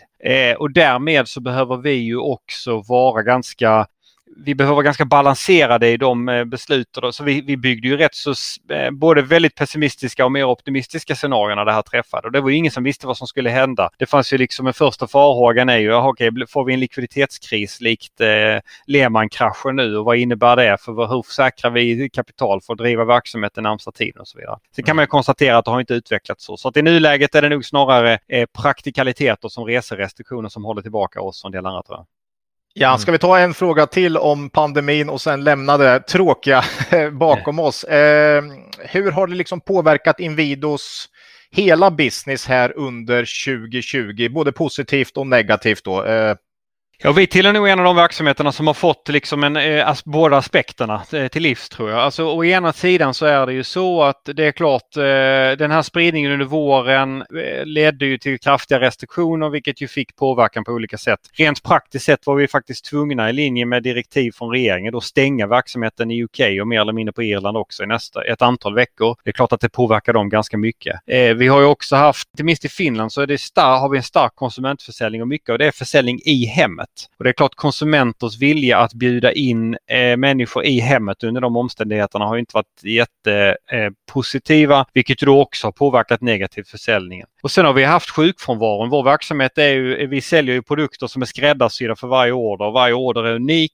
Vi är väldigt beroende av liksom jämna flöden och jämna takter genom vår fabrik. Och det är klart om de är hög sjukfrånvaro eftersom vid minsta förkylning på, på en själv eller familj med barn till exempel så måste man stanna hemma så har vi haft negativ påverkan från det. Så det har varit ett antal faktorer som har påverkat oss negativt och några segment som har varit ganska hårt drabbade. Å andra sidan så får man säga att i vissa av våra segment så har vi ju sett den här eh, hemmafixartrenden också. Vi har ju haft en, vi förväntade oss en väldigt stark tillväxt inom e-commerce till exempel i år med de investeringar vi har gjort. Men den har ju varit ännu starkare än vad vi hade förväntat oss och en del av det tillskrivs säkert eh, pandemin. Så att jag tycker vi har sett lite båda en stark konsumentmarknad eh, i vissa geografier men också negativ påverkan på effektivitet och framförallt eh, i UK och delvis i Finland då, skulle jag säga.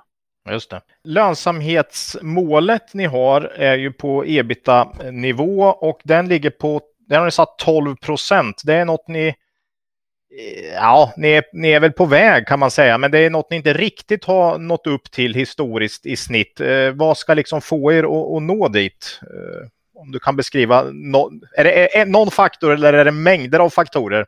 Jag tror det är ett antal faktorer som behöver spela in. Alltså, dels så finns det ju ett antal aktiviteter som vi jobbar med, framförallt i affärsområde Nord. Vi har ju ganska stor spread i vår marginal mellan affärsområdet Syd och affärsområde Nord. Och där är ett antal marginalförbättrande aktiviteter som vi jobbar med eh, som ligger inom egen kontroll. Och det, då är det dels handlar det om att stärka vårt konsumenterbjudande lite grann för att bli ännu starkare i det här konsumentsegmentet där vi vet att det finns lite bättre marginaler att hämta. Och dels är det, handlar det en del om effektivitet och investeringar för ökad effektivitet. Men man ska också vara ärlig och säga att eh, om vi tittar tillbaka på marknaden eh, både i Sverige och delvis i Finland så var det en väldigt stark marknad fram till låt oss säga 2016. Sen började rotmarknaden successivt trappas av då, eller renoveringsmarknaden i och med att rot Eh, ränteavdraget trappades ner lite grann. Vi fick lite amorteringskrav och så. Så den eh, renoveringsmarknaden började gå ner. Då var ju industrimarknaden lite starkare ett tag men sen har ju också eh, antalet nystarter trappats av lite grann. Så att ska vi nå hela vägen upp till målet så behöver vi också i ärlighetens namn lite hjälp av marknaden i nord. Att de behöver, behöver stärkas eh, och komma in i en lite starkare cykel igen. Men då tror vi att liksom får vi ordning på de aktiviteter som vi har och vi får sen en liten återhämtning i marknaden så är vi ju, tror vi att vi kan vara på god väg mot det målet. Ni har en väldigt bra stabilitet i lönsamhet får jag säga. Eh, även lite sämre år har ni faktiskt hållit uppe den väldigt bra. Hur, eh, hur gör man det? Ja, dels har vi ju varit eh, över tid eh, väldigt duktiga på att anpassa våra kostnader. Alltså vi är, eh, den, eh, det track recordet har vi sedan länge och jag tycker det har förstärkts ytterligare sedan vi decentraliserade verksamheten och skapade tydliga resultatansvar ute i våra affärsenheter. Att vi är väldigt snabba på att anpassa vår kostnadsmassa om vi märker att efterfrågan ändras.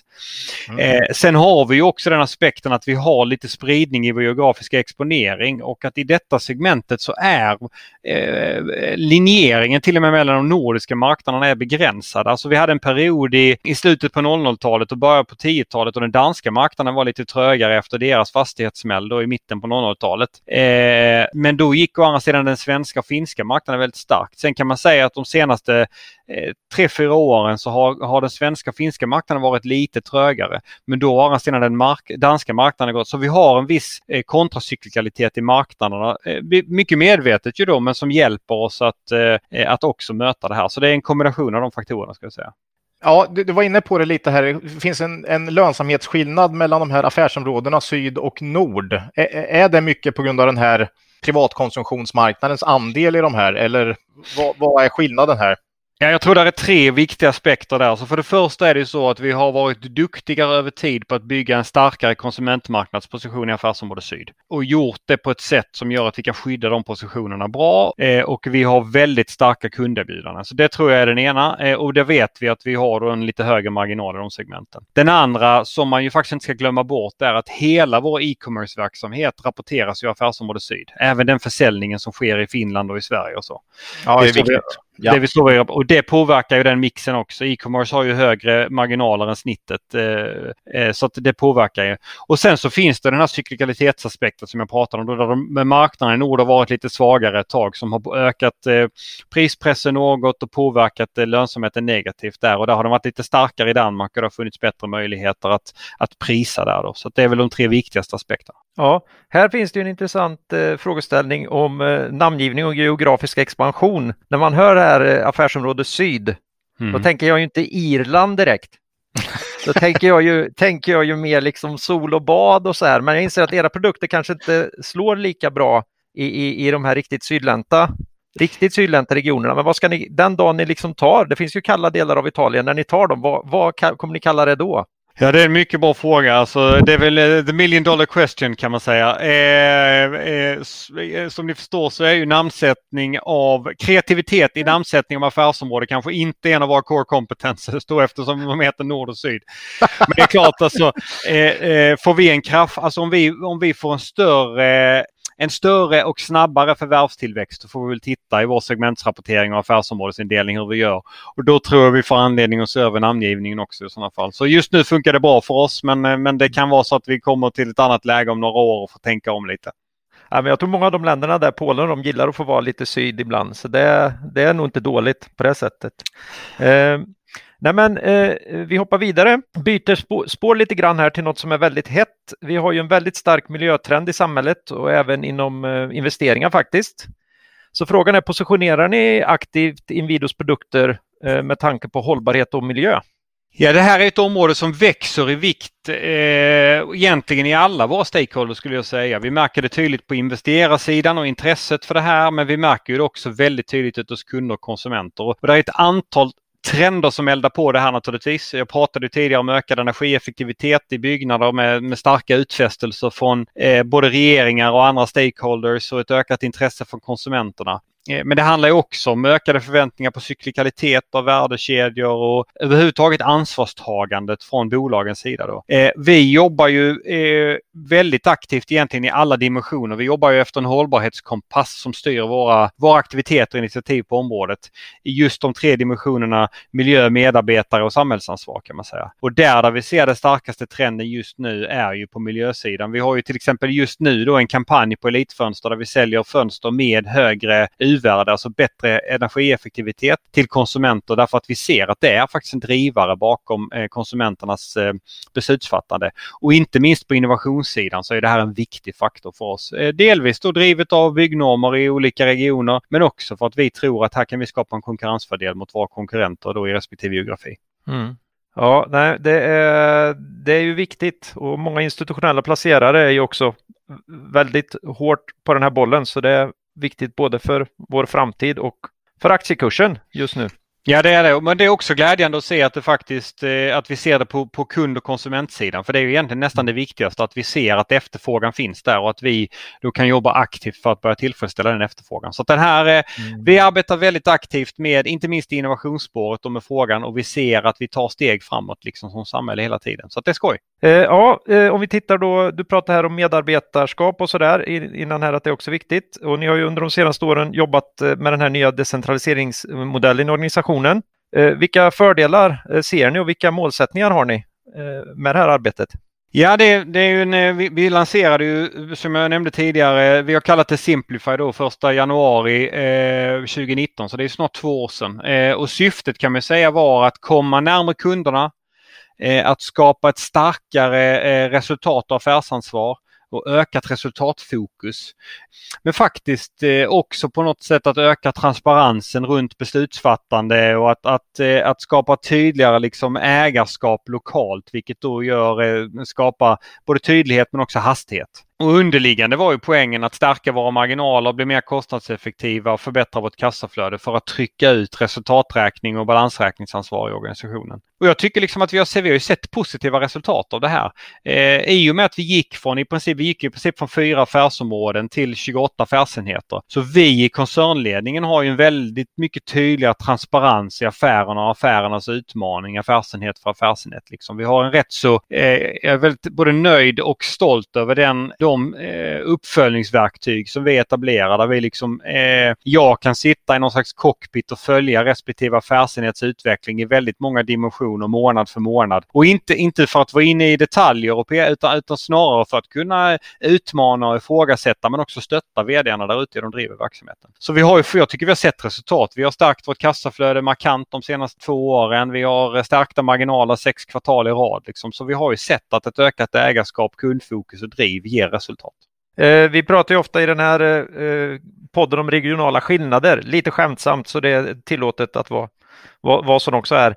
Nej, men, eh, vi brukar ju se ganska stora skillnader just mellan Danmark och Finland hos de bolag som vi, som vi tittar på och utreder. Det har gjorts många försök i Sverige att ta sig in på danska marknaden framför allt och kulturkrockarna där kan vara ganska intressanta. Har ni märkt någonting i införandet av den här att ni har ju era bolag väldigt utspridda är, är det så att eh, man på vissa håll tycker att vad är det här nu, ska ni inte bestämma centralt ifrån? Ja, då kan man säga det, det är ju en mycket relevant fråga. Eh, det, det, som jag tycker, det vi har varit väldigt tydliga med är ju att eh, när vi pratar om decentralisering så har vi ju egentligen inte, eh, vad ska jag säga, släppt ansvarstagande och beslutsfattande från ett koncernledningsperspektiv. Vi har ju snart kommit närmare verksamheterna utan det vi har gjort är att, att montera eh, ner så att säga affärsområdesledningar och affärsområdesstyrning. Men visst är det en skillnad i, det, det som jag tror är fördelen för oss att vi går till en ganska enkel logik med 28 affärsenheter med VD och alla som är redo att ta vd-ansvaret oavsett om de är i Finland eller Norge eller Danmark eh, är ju, eh, eh, tycker det är liksom en positiv möjlighet för dem. Sen kan man väl säga att, att det är kanske lite fortare för danskarna att an, anamma autonomi än vad det gjorde för finnarna. Så kan det nog vara. Det kom lite mer självklart. Men, men generellt sett tycker jag att alla liksom har hanterat det på ett jäkligt bra sätt och framförallt egentligen som är det viktiga tagit ägarskapet för resultatet. Då. Härligt. Ja, det låter jättebra. Mm. Vi intervjuade AQ Group här för ganska precis ett år sedan. De har gjort de har liksom samma upplägg med stort resultatansvar ute i de 30 dotterbolagen så att säga. Så att, eh, ja, Tror, jag tror mycket på det faktiskt. Ja, ja, ja vi har ju vi... som sagt redan sett positiva resultat tycker vi, så vi är, vi är glada för det, men tror det finns mer att hämta. Mm. Om vi går över till aktien här då lite. Förstår om du inte kan kommentera aktiekursen och så där. Men vi har, det är ändå så att eh, kursen idag står på ungefär samma nivå som för fem år sedan och eh, är ner en hel del sedan den här er senaste kurstopp här under 2017 då. Eh, är ni nöjd med er verksamhetsutveckling under de här senaste åren? Om, om, vi, om vi bortser från själva aktiekursen då. Alltså om vi tittar på verksamhetens utveckling kan man säga att, att eh, det fanns ju en anledning till att vi gjorde den här förändrade eh, styrmodellen och lanseringen eh, i början av förra året. Och det var ju för att vi var inte riktigt nöjda med utvecklingen i alla delar av koncernen. Eh, och, och, vi stod ju så, i ett läge i, i, i, slutet av 2018 med en, Eh, en betydligt högre eh, skuldsättningsnivå än vad vi har nu. Eh, marginaler som, som var eh, stagnanta kan man väl säga och, och på sina håll lite på väg ner. Eh, så att det är klart att eh, det var vi inte och därför vidtog vi också åtgärder. Sen dess har vi ju som sagt då eh, stärkt vår eh, balansräkning markant, genererat bra kassaflöden och stärkt våra marginaler sex kvartal i rad. Så att, jag menar, tittar vi i backspegeln de sakerna vi gjorde och vilken konsekvens och vilken effekt de sakerna har fått så tycker jag vi har anledning att vara, vara nöjda alltså, eller förlåt, vi ska inte vara nöjda. Vi ska vara stolta över det vi har gjort men vi är ju inte nöjda. Vi har ju, vi har ju mer kvar att göra och vi, vi vill ju visa att det finns betydligt större potential än så i bolaget jag tror ju att tillväxten är väl det som marknaden eh, har haft lite problem med sista tiden. Eh, balansräkningsförbättringen och lönsamhetsförbättringen är ju såklart positiva, men marknaden gillar ju som du vet tillväxt och framförallt nu är ju är ju tillväxtbolag väldigt, väldigt mycket i, i ropet. Så att eh, det kan vara det och det är ju förvärv då såklart. Eh, och balansräkningen har väl gjort det bättre, skapat mer möjligheter till förvärv framöver här kan man tänka. Ja, och det kan man väl säga i, i förhållande till eh, vår utstakade strategi och eh, den värdeskapande potential som vi ser i bolaget så är det ju också så ur ett internt perspektiv att nästa naturliga steg på den är ju att, att eh, så att säga återigen visa oss själva då och då också i någon mån marknaden att vi kan skapa värde genom förvärv. Eh, nu har vi byggt musklerna för att kunna göra det eh, och accelerera det jobbet lite igen. Så att, det ser vi fram emot. En sista fråga här och eh, den får handla om ägarbilden här. Ganska spridd ägarbild får vi säga utan eh, någon tydlig huvudägare. Vad ser ni för för och nackdelar med det? Ja, vi, alltså, från ledningsperspektiv så försöker eh, vi förhålla oss i ett perspektiv att vi inte har sådär jättemycket perspektiv på det. Alltså, eh, och det är ju i någon mån fördelen med svensk bolagsstyrningsmodell. Eh, vi har ju en, en valberedning som utser en styrelse som tillsätter oss i ledningen och vårt ansvar är att förvalta och utveckla den här verksamheten. Och vi gör det med, med kravställande och, och i viss mån beslutsfattande från styrelsen. Då. Och jag tycker vi har visat över tid att det där fungerar väldigt bra. Sen finns det ju såklart scenarion alltså där det är, eh, kan vara positivt för ett bolag säkert att ha en huvudägare. Men, men det, det skapar ju också, kan ju också i vissa fall skapa inlåsningar och, och förväntningar eh, och kanske begränsa utvecklingen av bolaget. Så att vi eh, eh vi tycker vi har, givet liksom det läget som vi befinner oss i, skapat en modell eh, som fungerar bra och jag är väldigt nöjd med eh, hur modellen som sagt funkar både för, för tillsättning och utveckling av styrelsen och ledningen och jag är väldigt glad både för den utmaning men också den stöttning som vi får av styrelsen. Så att, eh, jag tycker det funkar bra för oss. Okej, okay. Mm. tack. Bra. Vi eh, hade, tiden sticker iväg här. Eh, vi skulle säkert kunna prata in video hela, hela dagen. Vi, tyvärr sitter vi på länk här nu. Vi brukar vara så här fula så i vanliga fall så tvingar vi oss på de företag vi intervjuar och kommer ner på plats och så här och glider runt och härjar. Och då, då kan vi ju verkligen få chansen att prata hela dagen. Men så kommer det inte bli här. Så avslutningen här nu på, på det här samtalet så tänkte vi att du skulle få vara jury i en eh, tävling här Henrik. Det ser jag mycket fram emot. Ja, vi har ju haft en, eh, en eh, tävling här i podden sen senaste avsnitt, förra avsnittet då, där vi försöker få till hitta ett bättre uttryck än omvänd vinstvarning. Så jag tänkte, ska vi köra varannan här Ola, eller? Ja, kan vi göra. Så, så kastar vi sju stycken av de bästa förslagen. Vi har fått in väldigt många förslag. 46 eh, olika förslag blev det. Några stycken överlappar kan man säga. Det finns några favoriter hos lyssnarna då. Men, eh, så vi kastar våra sju bästa förslag mot dig här. Och sen så kan vi backa tillbaka efteråt om du vill, om du vill få recap. Och sen ska du få sätta vilken du tycker är bäst och den du gillar bäst här kommer få ett pris. Det blir okay. faktiskt en bok av Howard Marks. The most important thing, thing som eh, vi tycker är fantastisk. Så att eh, vi kör, så ska vi se om vi tar oss igenom det här då. Får jag chansen att börja Ola eller? Ja, kör. kör. Så ett alternativt uttryck då till omvänd vinstvarning och då skulle det kunna vara vinstuppjustering. Ett annat, eh, vinstavisering. Okej. Okay. God vinstprognos. Sen har vi en på lite rolighetskontot här, analytiker-lavett. Sen har vi någon som har försökt ta det här i en smart riktning och göra en förkortning här. PAR, som står för positiv avvikelse resultatmässigt. Okej, det borde väl eh. snart vara birdie i sådana fall om man skulle dra golfanalogin. Ja, men... ja jag, var lite rädd, jag var lite rädd för den. Okay. Jag inser det. Ja. ja. Sen har vi en som vi gillar, lite, lite koppling till oss här då. Eh, kvalitetskommuniké.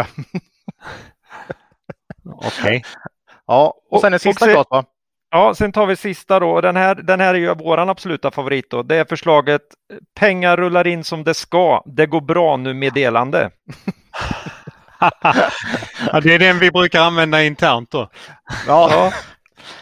Så, så du kanske ja, har en favorit var direkt? Svår. Kan, kan vi ja. bara, för nu har jag liksom de, de fyra sista här top of mind. Kan ni snabbt bara recappa de tre första? Då hade vi vinstuppjustering, ja. Eh, vinstavisering och god vinstprognos. Alltså, jag måste vara så tråkig och tycka att, att eh, alltså vinstavisering låter ju positivt men, men då kan det ju låta som att alternativet var att man inte skulle göra vinst och eftersom vi tillhör ett av de bolagen som är stolta över att eh, visst har vårt resultat inte alltid varit exakt lika bra som vi hade hoppats men det har ju alltid varit vinst i alla fall. Eh, mm.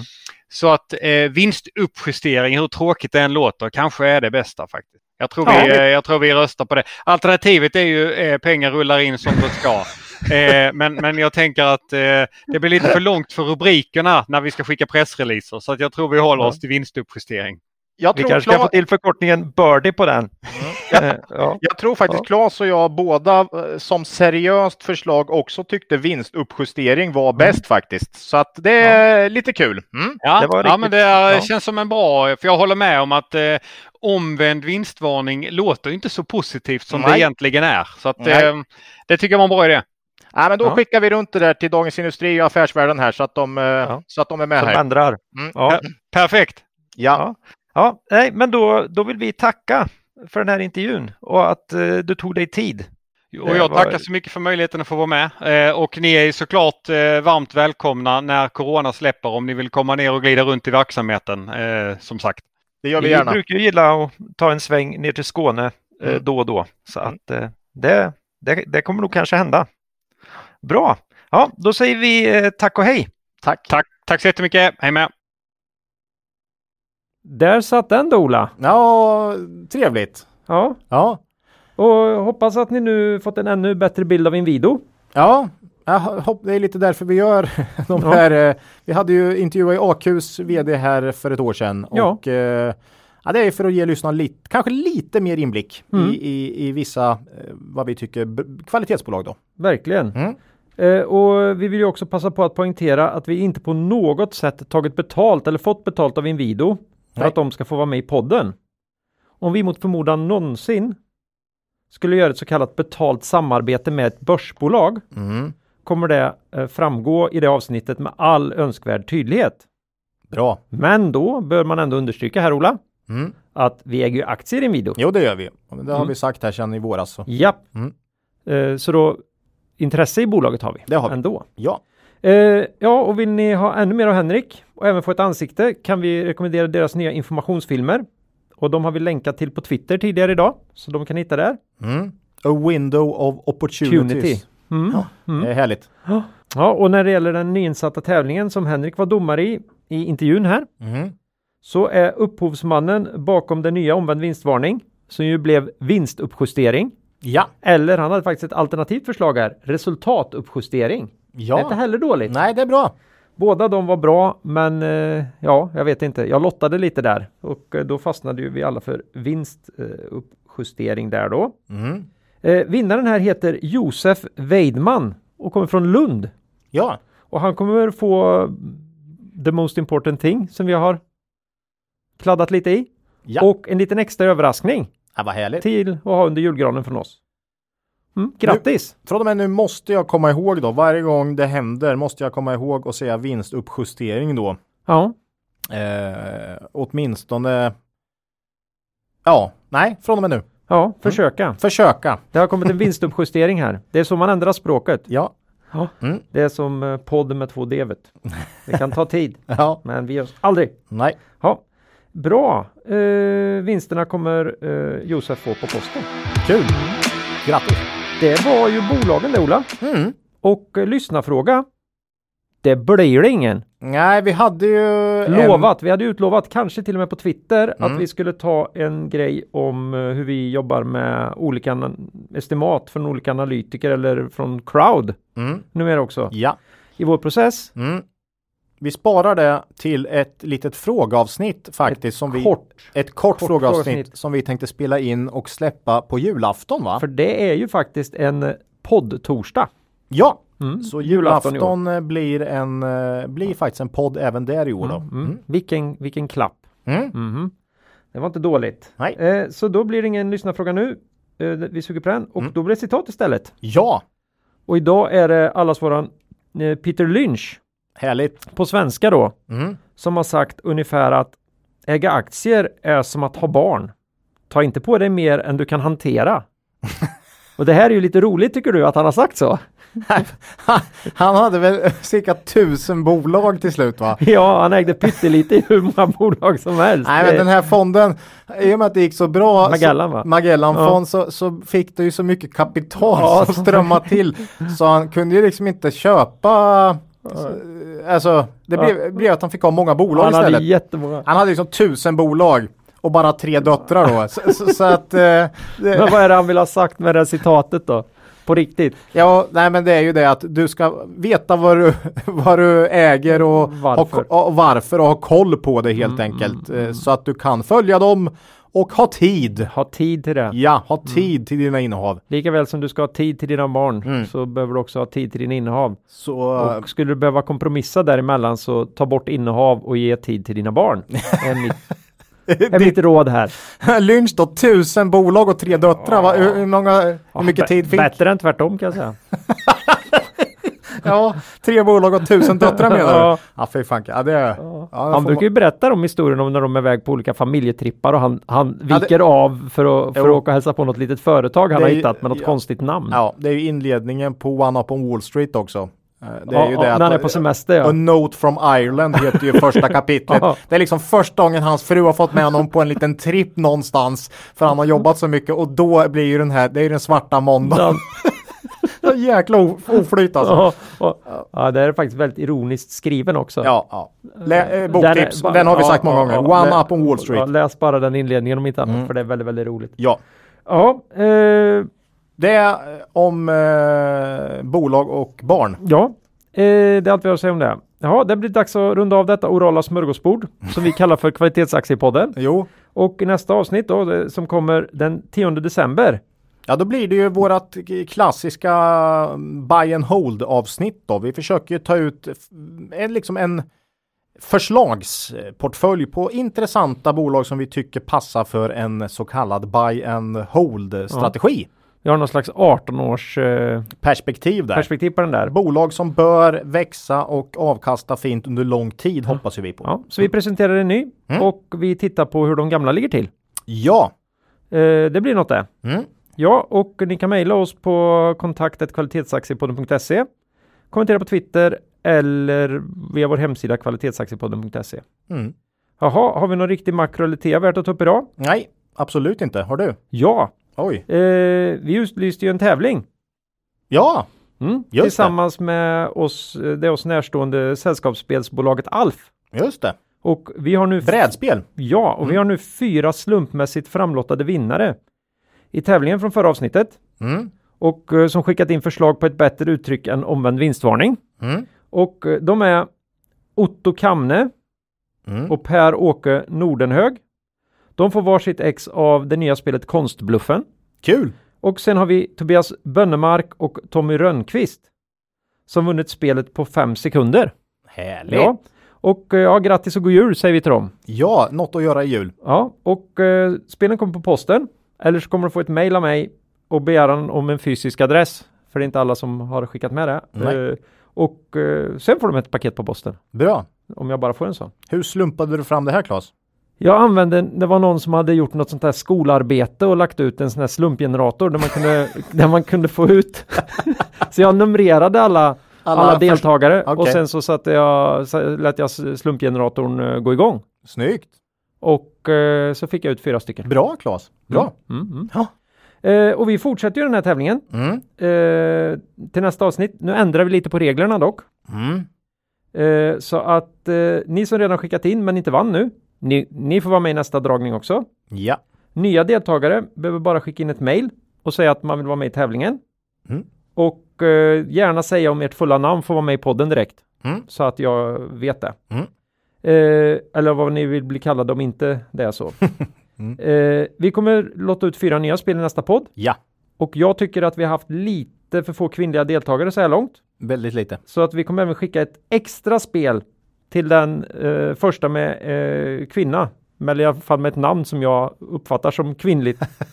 som skickar in till tävlingen Okej. efter att det här avsnittet släpps. Kul. Mm. Okej. Ja, så grattis säger vi till vinnarna och lycka till för, till övriga. Ja. Ja. Eh, innehav. Ja, det är Björn Borg och Inwido då. Mm. Det är väl inte svårare än så den här gången. Det gick ganska snabbt där va? Ja.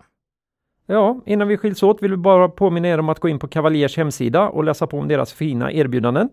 Följ dem gärna på Twitter.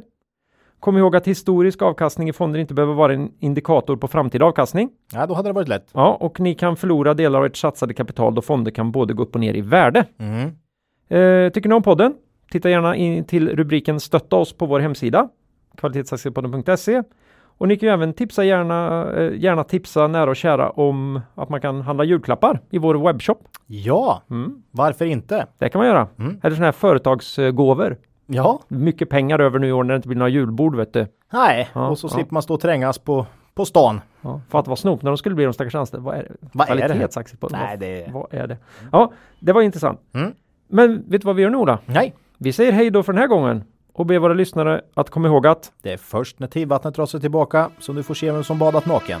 Lose money for the firm and I will be understanding. Lose a shred of reputation for the firm and I will be ruthless. I welcome your questions.